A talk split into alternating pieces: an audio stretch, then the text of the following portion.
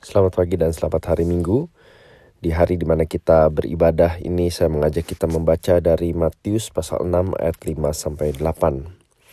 Dan apabila kamu berdoa, janganlah berdoa seperti orang munafik. Mereka suka mengucapkan doanya dengan berdiri dalam rumah-rumah ibadat dan pada tikungan-tikungan jalan raya, supaya mereka dilihat orang. Aku berkata kepadamu, sesungguhnya mereka sudah mendapat upahnya. Tetapi jika engkau berdoa, masuklah ke dalam kamarmu, tutuplah pintu dan berdoalah kepada Bapamu yang ada di tempat tersembunyi. Maka Bapamu yang melihat yang tersembunyi akan membalasnya kepadamu. Lagi pula dalam doamu itu, janganlah kamu bertele-tele seperti kebiasaan orang yang tidak mengenal Allah. Mereka menyangka bahwa karena banyaknya kata-kata, doanya akan dikabulkan. Jadi, janganlah kamu seperti mereka, karena Bapamu mengetahui apa yang kamu perlukan sebelum kamu minta kepadanya. Saudara kebanyakan dari kita familiar atau bahkan hafal dengan doa Bapa kami. Tidak sedikit dari kita yang besar di gereja di mana doa ini doa ini dinaikkan hampir setiap minggu di dalam kebaktian. Tetapi tahukah Anda bahwa doa ini diajarkan di dalam konteks yang sebetulnya cukup menarik? Ayat-ayat yang kita baca hari ini adalah ayat-ayat yang persis diucapkan sebelum Yesus mengajarkan pola doa Bapa kami. Yang tadi saya bacakan adalah sampai ayat 8, Barulah di ayat 9 dimulai dengan kata-kata, karena itu berdoalah demikian Bapa kami yang di surga, dan seterusnya. Nah, saudara, kalau Anda perhatikan di atas, maka setidaknya kita belajar bahwa Yesus berasumsi pengikut-pengikutnya pasti akan berdoa. Salah satunya, ia tidak sedang mengkontraskan antara mereka yang berdoa dan mereka yang tidak berdoa, tetapi ia sedang membandingkan antara mereka yang berdoa seperti orang munafik dan mereka yang berdoa kepada Bapa yang di surga. Nah kita harus mengakui bahwa kalau ada satu area di mana kita sangat lemah dan rentan adalah kehidupan doa kita. Entah berapa lama seorang menjadi Kristen atau bahkan melayani sekalipun, uh, kehidupan doa adalah suatu tantangan terbesar kita. Saudara ini bukan saja dari segi disiplin di mana kita menyempatkan satu waktu khusus sepanjang hari untuk berdoa, tetapi juga dari segi keintiman, kesungguhan, bahkan bertumbuh dalam bagaimana kita berdoa dan pok apa saja yang kita doakan. Dan Yesus kelihatannya tahu benar apa yang saudara dan saya alami. Bagi kebanyakan kita lebih mudah untuk berdoa seperti orang munafik yang digambarkan di sana berdoa di rumah ibadat dan di tikungan jalan raya. Kalau di zaman kita paralelnya adalah kita berdoa hanya supaya dilihat orang lain. Dengan kata lain kita berdoa sebetulnya demi dan bagi diri kita sendiri. Kalau ada orang lain kita merasa ah malu, masa saya nggak berdoa? Atau setidaknya malu, masa saya setidaknya kelihat, setidaknya tidak kelihatan berdoa. Kita mau kelihatan bahwa kita menjalankan setidaknya sisi keagamaan kita. Saya pikir juga dalam masa-masa pandemi ini, selama kita masih di karantina secara massal, ter, terisolasi satu sama lain, Mungkin kalau ada satu hal yang sangat sulit kita lakukan adalah berdoa. Karena sekarang kita tidak lagi beribadah bersama-sama, apalagi keluar ke jalan-jalan. Tetapi di pihak lain, saya juga bersyukur mendengar kesaksian bahwa tidak sedikit dari jemaat kita atau bahkan dari jemaat gereja lain yang justru malah sekarang punya waktu untuk berdoa. Waktu perjalanan atau naik transportasi umum kini berkurang cukup banyak dan dapat dialokasikan untuk berdoa. Saudara ini satu hal yang patut kita syukuri bisa dikatakan berkat terselubung yang setidaknya kita dan kebanyakan dari kita mungkin sudah alami selama masa-masa pandemi ini. Nah kalau kita kembali ke perkataan Yesus di atas maka kita melihat bahwa ia mengatakan mereka yang berdoa supaya dilihat orang entah itu hanya satu orang atau sekampung sudah mendapat upahnya. Dengan kata lain Yesus mengatakan hanya itu saja yang mereka terima. Mereka sudah menerima perasaan damai, aman, atau bahkan bangga karena jelek-jelek ini orang masih lihat gue berdoa, berbakti, atau bahkan ibadah minggu. Saudara, yang Yesus kira, maksudkan adalah kalau itu yang mereka cari, itu pula yang mereka dapatkan.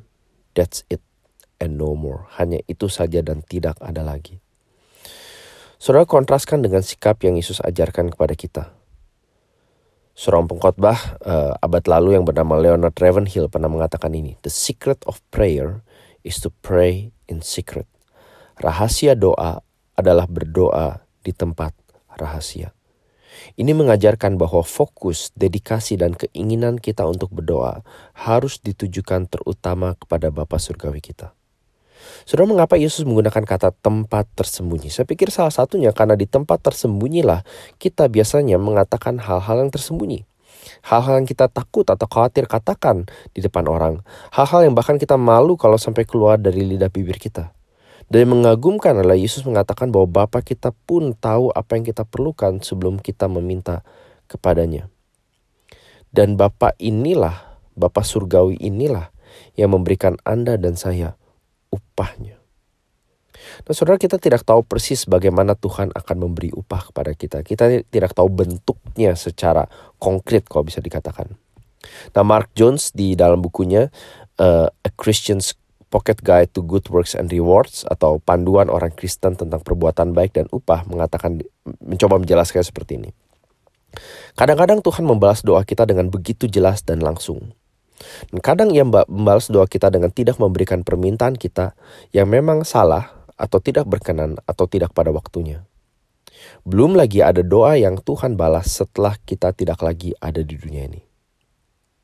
Nah saudara, Entah dengan cara apa pun Tuhan membalas doa Anda dan saya, baik Alkitab maupun kesaksian orang percaya sepanjang sejarah mengkonfirmasi bahwa ia adalah Tuhan yang menjawab doa kita.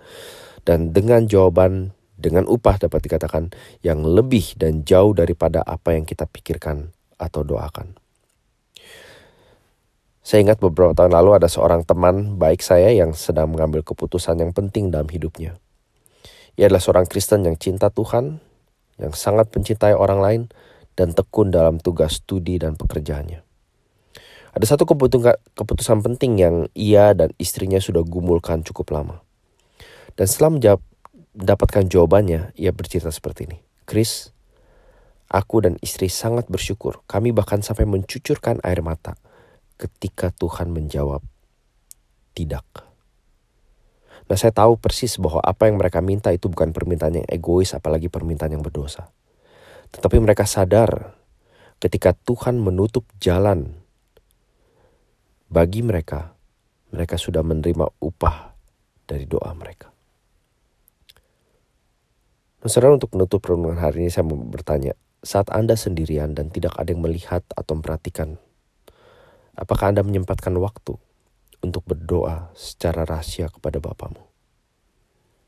Nah ayat ini tidak mengatakan bahwa satu-satunya doa yang berkenan adalah waktu Anda hanya berdoa sendirian. Alkitab mencatat banyak kesempatan di mana Yesus dan umat Tuhan berdoa bersama-sama dan berkelompok dan bahkan di rumah ibadat. Kebanyakan doa di kitab Mazmur misalnya ditujukan kepada sekumpulan umat Tuhan dan bukan hanya pribadi semata. Tapi ayat ini berbicara tentang motivasi kita bahkan waktu kita berdoa bersama-sama sekalipun.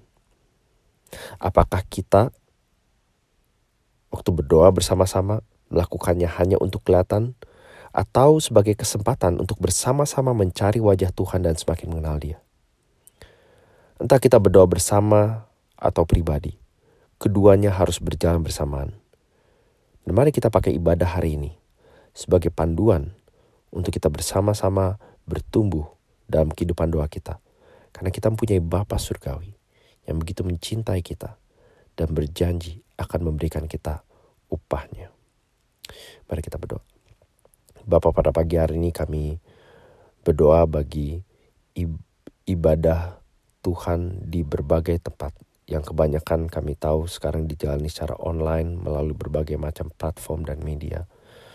Kami berdoa Bapak kiranya apa pun bentuk dan format ibadah yang dilakukan, kiranya umatmu dapat dirawat dan diberkati oleh puji-pujian, oleh doa, oleh firman Tuhan yang dikabarkan, oleh berbagai macam bentuk interaksi yang dilakukan walaupun secara virtual.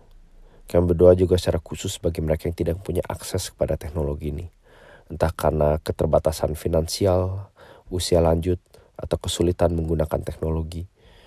Kami berdoa Bapak kiranya gereja-gereja Tuhan dan uh, jemaat Tuhan dapat menggunakan kreativitas dan sarana lain yang ada untuk boleh menjangkau supaya jemaat-jemaatmu ini pun terus mendapatkan akses dan semacam persekutuan dengan umatmu. Kami berdoa bagi para pemimpin gereja, para pendeta, guru Injil, para hamba Tuhan, para pelayan uh, yang tamlani separuh waktu atau uh, atau secara sukarela. Bagi mereka yang bekerja keras di belakang layar untuk persiapkan berbagai macam aspek, entah itu teknologi, administrasi, dan segala macamnya untuk memastikan supaya uh, ibadah online minggu ini dapat berjalan dengan lancar. Kami berdoa juga bagi mereka karena mereka lah yang menopang pelayanan orang-orang yang wajahnya atau suaranya muncul di depan layar.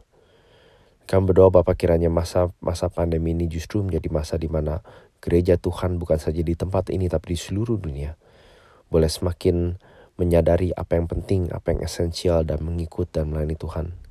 Dan biarlah melalui kesaksian kami bersama, kami dapat menjadi umat Tuhan yang lebih kuat, yang lebih uh, mengasihi Tuhan, yang lebih mencintai firman-Mu, yang lebih suka untuk mencari kesempatan untuk berdoa baik secara pribadi maupun bersama-sama.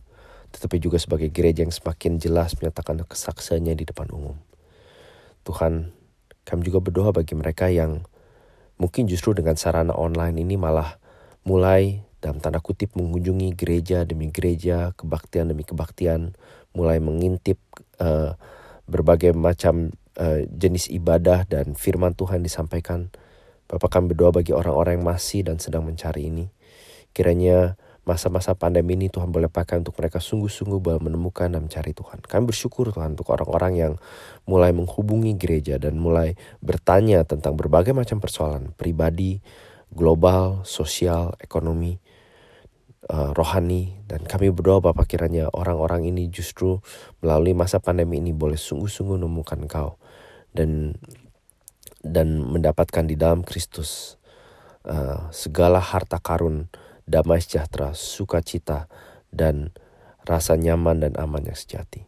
Terima kasih Bapak kami berdoa untuk seluruh ibadah Tuhan di berbagai tempat. Sekali lagi Tuhan Tuhan berkati dan sertai setiap kami yang mengikuti ibadah, yang memimpin, yang melayani di berbagai aspek. Demi nama Tuhan Yesus kami berdoa. Terima kasih saudara. Sekali lagi kalau ada uh, bagian dari firman Tuhan atau pertanyaan atau bahkan doa yang saudara pikir uh, bisa disampaikan melalui renungan ini, saudara bisa menghubungi saya melalui WhatsApp plus 61 405 459 atau email christian.tirta t i r t h a at gmail.com. Selamat hari Minggu, selamat beribadah, Tuhan memberkati.